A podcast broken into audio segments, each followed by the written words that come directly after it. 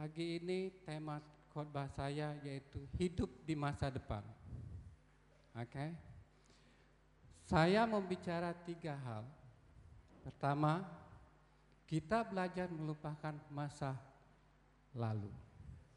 Kedua, kita harus fokus untuk ke depan.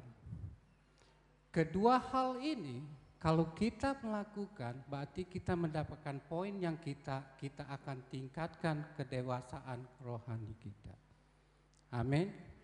Mari kita buka firman Tuhan di Filipi 3 ayat yang 12.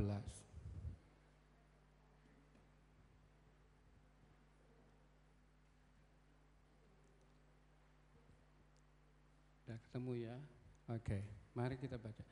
Bukan seolah-olah aku telah memperolehkan hal ini atau telah sempurna, melainkan aku mengejarkannya kalau-kalau aku dapat juga menangkapnya. Karena aku pun telah ditangkap oleh Yesus Kristus. Ayat yang ke-13. Saudara-saudara, aku sendiri tidak menganggap bahwa aku telah menangkapnya. Tetapi ini yang kulakukan aku melupakan apa yang telah di belakangku dan mengarahkan diri kepada apa yang di hadapanku. Saudara, ini Rasul Paulus mengirimkan suratnya kepada jemaatnya di Filipi.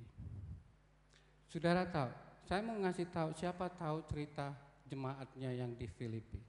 Filipi adalah diletak 16 kilo meter di pesisir Algeria, Makedonia. Makedonia pada waktu zaman Paulus pada saat ini yaitu di Greek. Perbatasan antara Greece sama Cyprus. Oke? Okay? Nah, pada waktu itu Paulus berjalan untuk menginjilin ke kota Filipi yang kedua kali. Pada Paulus berdiri, Tuhan memberi suatu penglihatan kepada Paulus bahwa di kota Makedonia ada seorang berdiri dan berkata, "Seberanglah dan tolonglah kami." Pada saat itu Paulus menyeberang. Paulus menginjilin di kota Filipi bersama temannya yaitu Lukas, Timotius, dan Silas. Oke. Okay? Tapi kota Filipi juga terkenal dengan kota jemaat yang generous sekali. Karena di Alkitab berkata, waktu Yerusalem dalam keadaan kesusahan, semua jemaat Filipi mengumpulkan uang dan kirimkan Yerusalem kepada Paulus. Oke. Okay? Nah, sekarang saya mau katakan, tema pagi ini hidup di masa depan. Poin yang pertama yang saya mau kata mau urapi Allah melupakan apa di masa belakang. Oke. Okay? Poin pertama. Rasul Paulus sebelum mempunyai dua pengalaman hidup.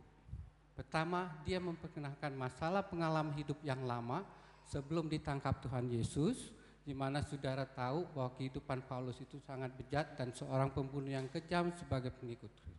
Begitu dia ditangkap sama Kristus, dia totally different, totally diselamat, benar-benar berubah. Berarti Paulus mempunyai dua pengalaman hidup yang sangat berbeda.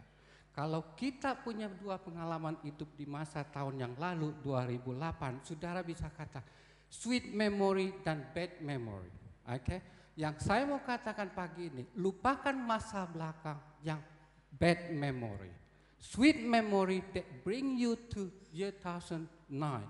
Yang mana itu mempunyai transaction, yaitu transfer zone. Saudara tidak akan maju bisa maju ke depan kalau pikiran saudara masih dibawa ke belakang. Dengan dalam arti kata, kita dibawa semua pikiran kita di masa lalu yang belakang menguasai kehidupan saudara. Amin. Dengan sendirinya kita harus mengerti bahwa masalah itu bukan menuntut kita. Kita harus mengalahkan masalah itu. Ini yang Paulus katakan. Begitu Paulus mengenal Tuhan Yesus, Paulus lupakan itu semua. Dia katakan di Korintus, di Roma, di mana dia katakan bahwa aku akan melupakan masa lalu. Berarti dia sejak itu diselamatkan dia fokus kepada Tuhan Yesus. Amin. Sama saudara dan saya. Kita hidup mempunyai history. Setiap hari kita membuat history dalam kehidupan kita. Baik history itu baik atau buruk tergantung bagaimana kita mengendalikan history. Oke. Okay? Nah, kalau history itu baik, sangat jelek, kita harus patahkan dan lepaskan dan lupakan. Karena kita nggak akan maju. Kita nggak bisa maju di dalam patah Tuhan Yesus, kita nggak layak. Saudara, apalagi di dalam keadaan gereja yang sedang berkembang ini, saudara lihat sendiri, saudara, kita baru tiga tahun, ya, jemaat sedang dikirim dalam perjalanan menuju Kogra, saudara, oke, okay? dan saudara kita harus benar-benar bisa menyisikan sikap karakter kerohanian kita tanpa kita mau. Masalah datangnya dari kegagalan, percobaan, ujian itu semua akan mengalami suatu proses. Kalau kita nggak bisa menyisi masalah di dalam yang lama, berarti kita nggak menguasai, saudara nggak bisa keluar. Berarti kita masih hidup di masa yang lama, di 2008. Sekalipun kita sekarang masuk 2009, tanpa ada perubahan sama sekali. Kerohanian saudara akan mati, dan bisa-bisa saudara seiman yang lain menjadi sandungan saudara semua. Amin. Nah, saya harus tahu. Nah, waktu Paulus mengadakan selamat, ditangkap Tuhan Yesus, dia nggak ingat sama sekali. Dia lupain semua masa hidup yang lama, dia fokus kepada Tuhan. Berarti dia fokus. Untuk kita menjadi orang Kristen yang bisa fokus ke depan dan mengetahui itu berarti kita udah mengalami masa masalah kita yang lalu. Apa pun itu masalah, mungkin soal ekonomi, soal rumah tangga, hubungan pacar, suami istri, soal anak, soal pelayan, apa pun itu menjadi suatu beban pikir. Asal kita harus tahu sampai di mana itu masalah. Oke, okay? untuk kita mengatasi masalah itu, oke, kita harus keluar. Karena kita nggak bisa ngandalin masalah itu dengan kekuatan manusia. Kekuatan manusia sangat terbatas. Kita hanya bisa selain ke Tuhan. Amin. Nah, saya mau kasih satu kesaksian. Di pada waktu Paulus ke Filipi, waktu itu di, di, dikuasai oleh kerajaan Alexander Agung. Filipus kedua, orang tuanya dari Alexander Agung. Nah, pada masa itu, belum lama dari itu, ada seorang pelukis terkenal sampai hari ini adalah pelukis yang purbakala sangat terkenal. Namanya Timates dari Greek. Dia seorang pelukis yang sangat berbakat. Sampai dia tekunin, dia hanya melukis, melukis, melukis. Suatu hari gurunya melihat di antar murid yang lain, dia memang sangat berbakat dan sangat baik. Cara dia memakai warna, cara dia punya pandangan apa yang mesti difigurin dalam lukisan. Suatu hari dia bangga sekali dengan hasil lukisan dia. Sampai dia benar-benar bangga. Sampai dia bisa boleh kita kata jatuh dengan kesombongan kebanggaan dia bahwa dia dapat hasil lukisan yang sangat terbaik. Sudah mereka pulang, gurunya balik ke kelas dan gurunya melihat, wah ini hasilnya Timates. Kalau saya kasih angka A atau 10, dia kemampuannya hanya sampai di sini. Ternyata gurunya dirusakin, lukisannya dirusakin. Waktu lukisan dirusakin, besok paginya Timates datang ke kelas. Wah sebelum kelas mulai dia bilangin ke teman-teman, wah lukisan gue bagus. Wah guru gue pasti senang, gue udah selesai kemarin. Kamu kan lihat sendiri. Wah gitu. Gitu dia masuk lihat lukisan begitu. Dia duduk begitu tersungkur, sakit hatinya. Dipikir temannya yang jelek mau ngejelekin hasil karya dia. Begitu dia bawa hasil itu ke depan gurunya. Dengan sacrifice Ipigenia. Sacrifice Ipigenia itu berarti pengorbanan Ipigenia. Ipigenia itu adalah nama seorang perempuan pada zaman waktu itu di bawah kerajaan Makedon.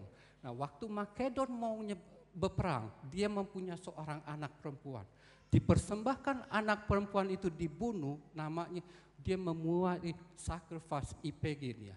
Pada waktu itu Timates berkata sama saya mempunyai sacrifice Ipegenia. Berarti sacrifice yang mengorbanin seluruh yang ada pada waktu itu. Dia lukisan itu benar-benar Terus gurunya tahu, karena dia ingin ngerusaki. Terus gurunya bilang, aku percaya kamu akan melupakan lukisan ini dan lukis ke satu kali lagi dan hasil jauh lebih baik. Saudara, kalau saya ngerusakin pandangan saudara dan pengalaman saudara, tapi saudara untuk melompat untuk melakukan jauh lebih baik, kalau saudara enggak bersedia, enggak bisa. Berarti saudara bersedia, bukan? Timates melakukan lagi dengan ketekunan, dipegang prinsip dari gurunya, karena gurunya ini adalah salah satu mentornya dia, dipegang, dia lakuin, dia fokus terus, dia nggak mau ingetin gambaran yang lama, dia kerjain, dia kerjain, dia kerjain, sampai dengan selesai gurunya ngangkat topi, inilah saya yang mau lihat dari hasil karyamu dibanding lukisan yang kedua kali sampai hari ini adalah lukisan pur, zaman purba kala yang terkenal. Pablo Picasso nothing compare sama Timates. Tapi Timates waktu pertama dirusakin gak mau. Berarti dia harus melupakan. Untuk seorang pelukis, saudara boleh tanya Tante Lili, itu harus punya pikiran satu titik fokus untuk bisa bekerja sama dengan tangan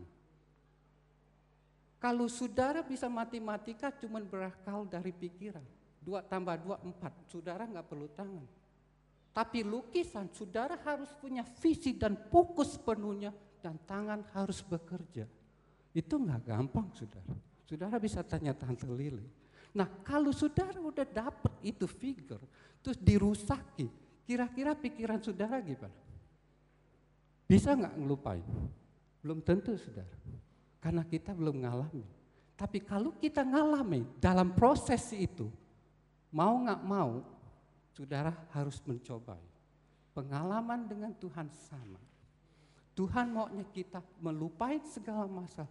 Tuhan nggak pernah ingat-ingat masalah kita. Cuman kitanya yang selalu ngingetin.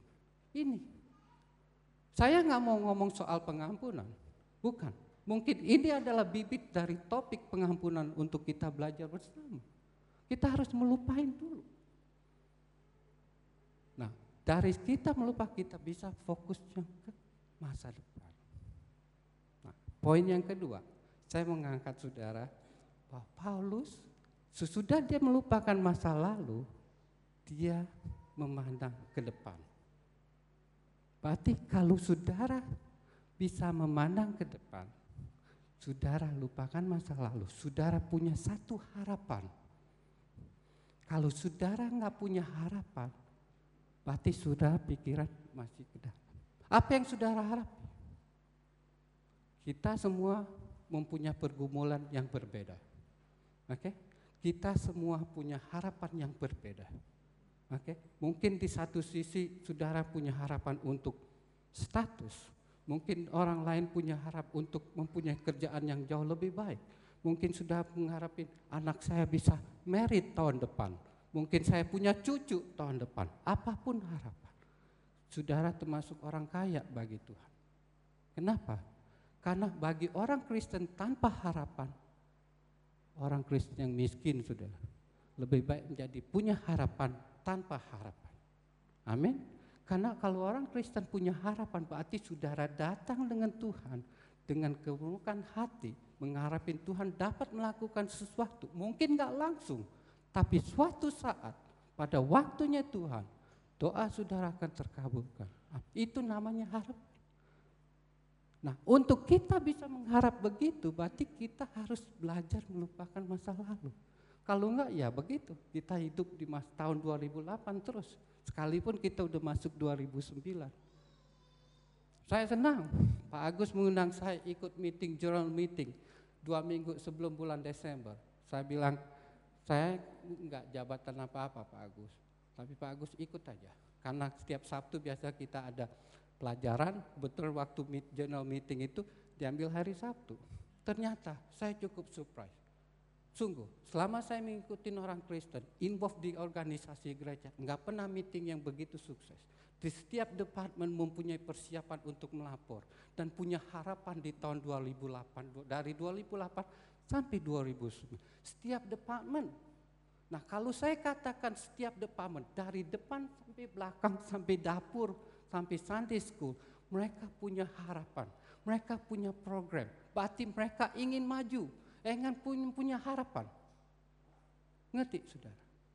Nah ini saya sangat surprise. Saya lihat, wow, kalau kita bergereja punya visi, punya pandangan, dan kita mau melakukan bersama, saudara, hasilnya bukan hubungan saudara dekat sama Tuhan, pengharapan pelayanan tuh saudara sama Tuhan, tapi saudara bisa lihat, iman saudara nggak perlu berbicara, tapi iman saudara transfer ke orang, orang akan melihat dan orang akan melihat dan berbicara. Amin. Berarti saudara dengan kata sendiri, pelayanan saudara di dalam rumah Tuhan ini membentukkan sesuatu cermin di luar. Begitu orang melihat melihat, wow, CLC, amin. Itu yang saya mau. Dan saya lihat itu akan terjadi. Dan setiap departemen punya pikiran dan punya pandangan misi untuk masa depan. Itu sudah. Cuman yang kita mau adalah satu, kerjasama antara setiap departemen dengan departemen lain. Itu yang harus kita. Itu namanya kita saudara seiman. Amin. Saya cukup surprise. Saya ngasih kesaksian. Boxing Day kami diundang uh, perayaan boxing uh, Natal sama teman yang lama. Lama sekali.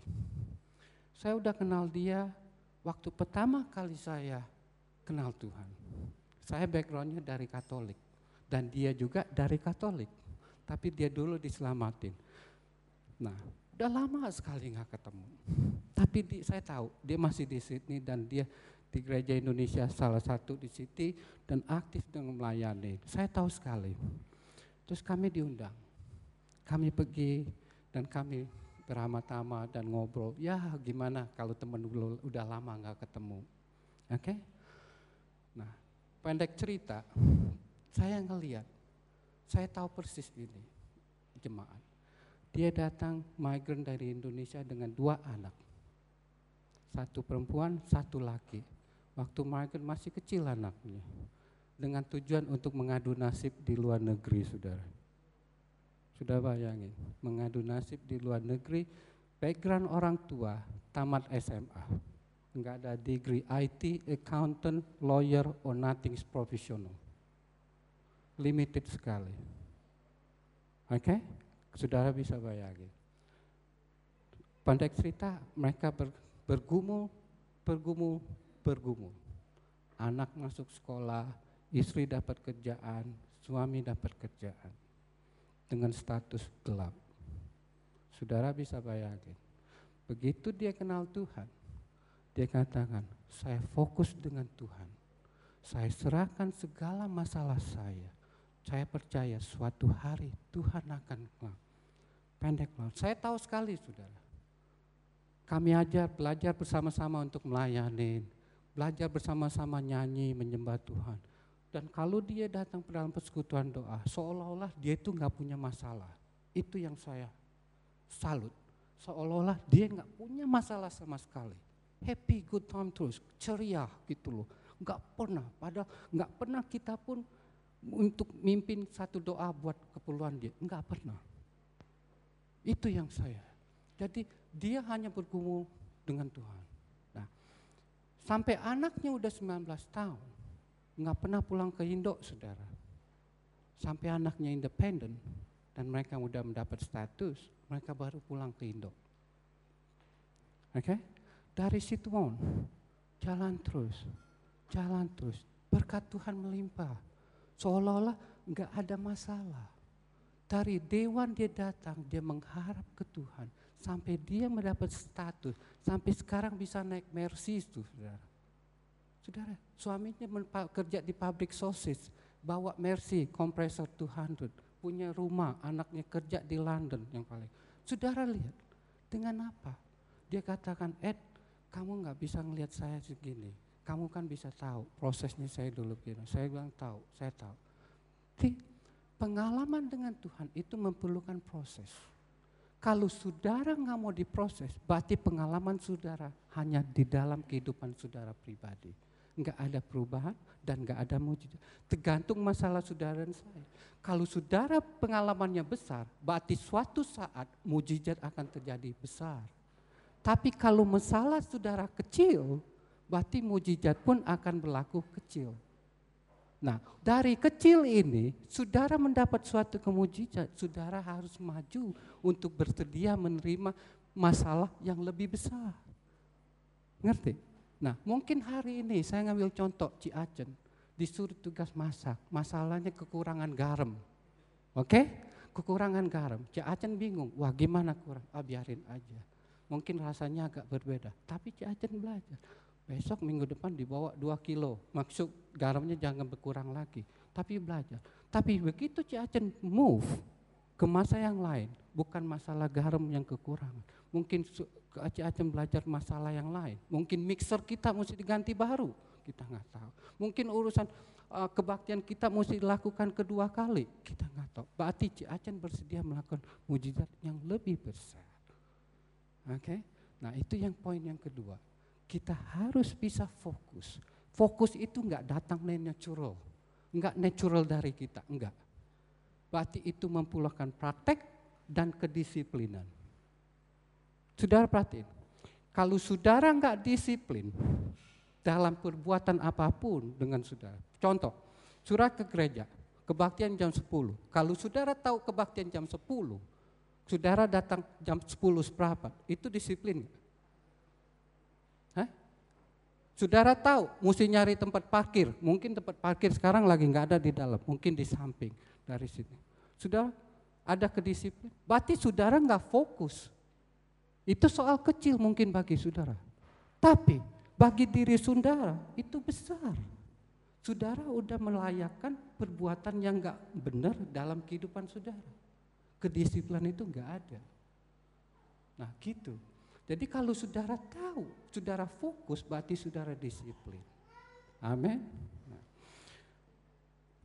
Saya mau ngasih satu kesaksian yang nyata.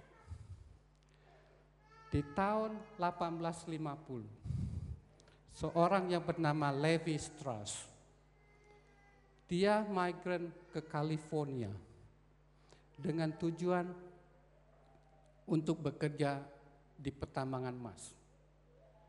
Oke? Okay? Dia pergi ke California. Dia kerja di pertambangan emas.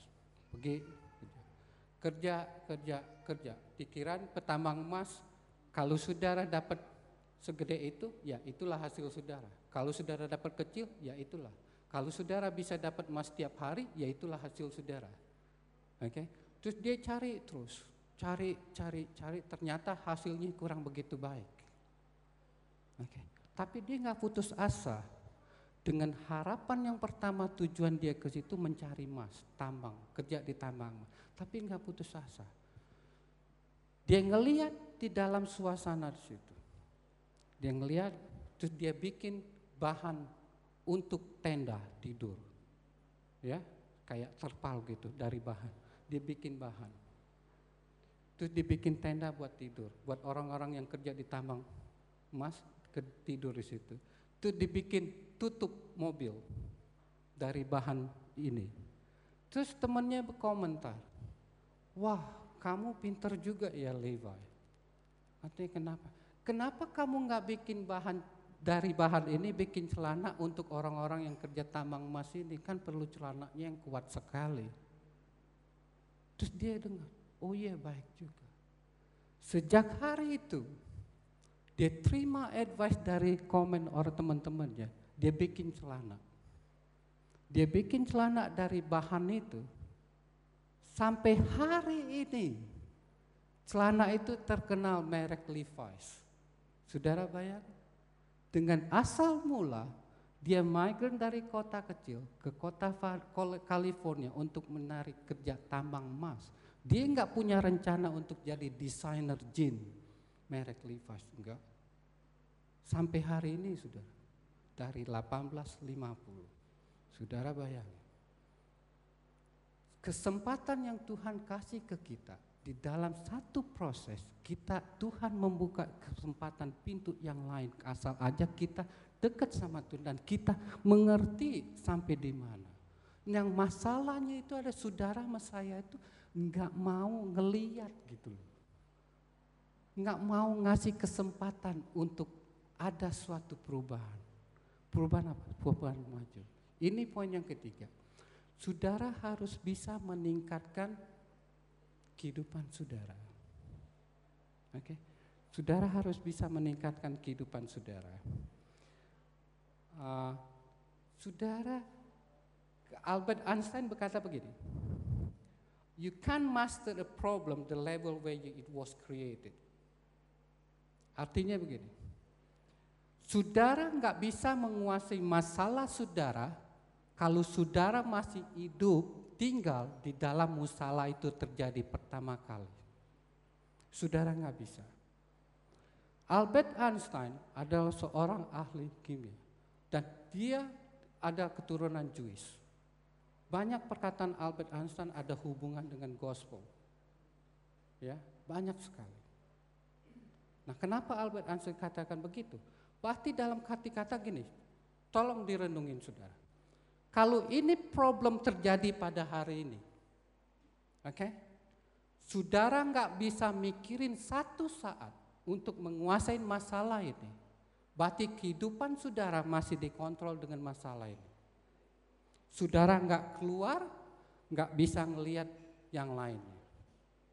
Masalah menguasai kehidupan saudara, bukan saudara menguasai masalah. Itu poinnya Albert Einstein katakan. Nah, kalau saudara sudah bisa melupakan masa lalu, saudara bisa berharapan ke depan, tapi untuk saudara meningkatkan ke depan, itu perlu proses. Waktu saudara meningkatkan, berarti saudara bersedia untuk mendewasakan kehidupan saudara. Dari masalah ke harapan, dari harapan ke dewasaan. Amin. Saya kasih contoh. Kalau saya sekarang tinggal di sini 2009, saya tahu Paulus bilang lupakan masa belakang, fokus ke depan. Berarti saya naik satu, karena saya fokus ke depan. Tapi kalau saya Paulus bilang duduk ke bawah, berarti saya nggak bisa naik ke atas. Ngerti? Nah, waktu begitu saya naik ke atas, berarti saya membuka kehidupan saya untuk menguasai masalah yang belakang saya melangkah satu tahap ke depan. Oke. Okay? Nah, untuk saya melangkah begini, saya mempunyai semangat kehidupan karena Tuhan Yesus ada dalam saya. Saya nggak bisa melangkah sendiri sudah dengan kekuatan manusia sangat terbatas. Tapi dengan Yesus nggak ada terbatas. Amin. Nah, waktu kita melangkah satu, berarti kita udah mengalami satu proses. Waktu kita ngalamin satu proses ini, kalau saudara lihat, kalau saudara berdiri sendiri, melangkah sendiri, berarti saudara sudah ngalamin bersama Yesus berjalan satu langkah di luar masalah saudara. Amin. Nah, kalau kita saudara seiman, udah melihat masalah, makanya kita butuh datang persekutuan doa. Gunanya itu, kita bisa mendengar masalah saudara seiman yang lain, bukan masalah kita sendiri. Berarti kita belajar untuk mengatas masalah jemaat yang lain. Itu maksudnya. Tapi terutama kita harus melangkah dulu. Kita harus mau naik gitu. Nah, berarti saudara bisa ngelihat. Tapi kalau saudara naik sendiri kan nggak enak. Tapi kalau naik rame-rame kan enak. Ya kan? Enak kan? Enak saudara. Nah, tapi kalau kita naik rame-rame, berarti masalah apa kira-kira ada? Enggak ada saudara. Makanya kita hidup berharapan dengan Tuhan dan Tuhan hidup dalam roh Kristus. Itu jauh lebih baik saudara. Mungkin tahun lalu kita belum begitu berani mendekat sama Tuhan belum berani mengambil keputusan yang lebih akrab karena kita masih teringat dengan pikiran yang lalu mungkin dosa, kejelekan segala macam, feel guilty gitu. Wah, Kenapa? Tuhan nggak pernah nggak bangkit-bangkilin gitu. Kenapa kita mesti justru gitulah konsep orang Kristen sekarang yang feel guilty ini yang nggak bisa maju. Itu yang harus saudara pahami. Begitu saudara terima Tuhan Yesus dan Tuhan Yesus nggak bisa ngingatin masalah saudara. Begitu Paulus, saudara lihat. Paulus, begitu dia ditangkap sama Tuhan Yesus, totally berubah. Hah? Kenapa dia feel? Paulus punya alasan nggak untuk feel guilty? Punya. Kenapa saudara feel guilty? Tapi Paulus nggak ngeliat ke belakang lupain ke belakang. Gitu. Amin. Nah, saudara, pertama kita harus bisa melupakan masa yang lama. Oke. Okay? Kedua, sesudah kita melupakan masa yang lama, kedua kita harus fokus ke depan. Oke. Okay? Nah, kedua hasil dari kedua ini berarti saudara sudah menempatkan diri dengan Yesus untuk meningkatkan kedewasaan saudara. Kedewasaan dalam arti kata luas. Kedewasaan pikiran saudara mengenai Alkitab, mengenai firman Tuhan. Kedewasaan karakter, baik itu hati sudah pembuatan dan perkataan saudara. Itu yang menentukan kehidupan kekristenan sekarang. Amin. John Maxwell terkenal sebagai hamba Tuhan leadership. John Maxwell adalah seorang CEO perusahaan dunia. Begitu dia dipanggil Tuhan, dipakai Tuhan luar biasa. Tapi hanya satu. Dia hanya bisa khotbah mengenai leadership, kepemimpinan. Dari yang kecil sampai yang gede, dia menguasai. Itu karunia dan talenta next. Suatu hari dia mengadakan seminar leadership seperti ini. Terus ditanyakan, menurut saudara, pengalaman saudara dapat menjadi guru yang baik atau enggak? Terus jemaat yang pengikut bilang, oh iya, pengalaman sangat berharga dan bisa jadi guru kehidupan saya. Angkat tangan. Terus John Maxwell bilang, salah. Kalau kamu ngelihat masalah itu menjadi, kamu harus mengevaluasi pengalaman itu. Oke? Okay? Mengevaluasi berarti saudara mengatasi masalah itu. Berarti pengalaman saudara dengan bat saudara baru bisa menjadi guru yang terbaik. Itu John Maxwell kata. Makanya kita di akhir tahun suka mengevaluasi.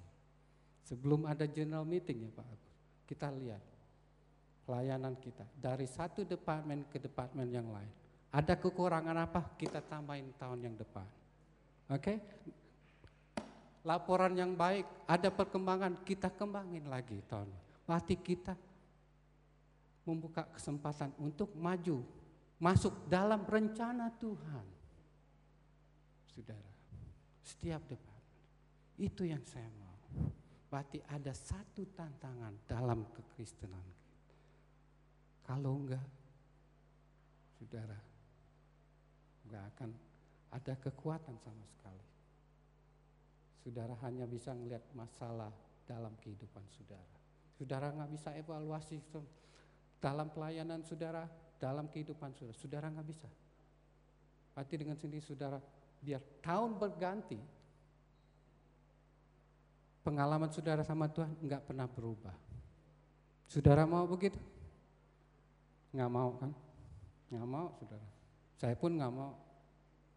Tapi saya berusaha sekuat mungkin. Berusaha sekuat mungkin bersama. Kita tompang tangan. Maka saya bilang tadi, kalau saya mau menghadap ke depan dan saya melangkah sendiri dan saya bawa saudara semua bersama.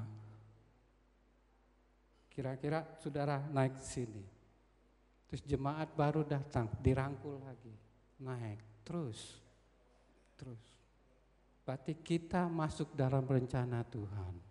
Tapi kalau kita nggak mau, kita hanya di sini terus, jemaat baru datang, oh shalom, sekalipun kita kasih senyuman Kristus setiap minggu pagi. Selamat pagi, kita hanya bisa hidup di lingkaran sini. Kita nggak punya pengalaman untuk mengajak semua jemaat melangkah ke depan. Amin. Hanya itu.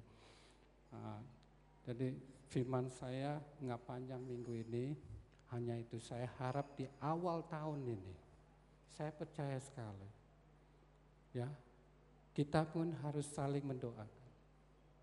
Amin. Kita harus saling mengisikan satu sama yang lain.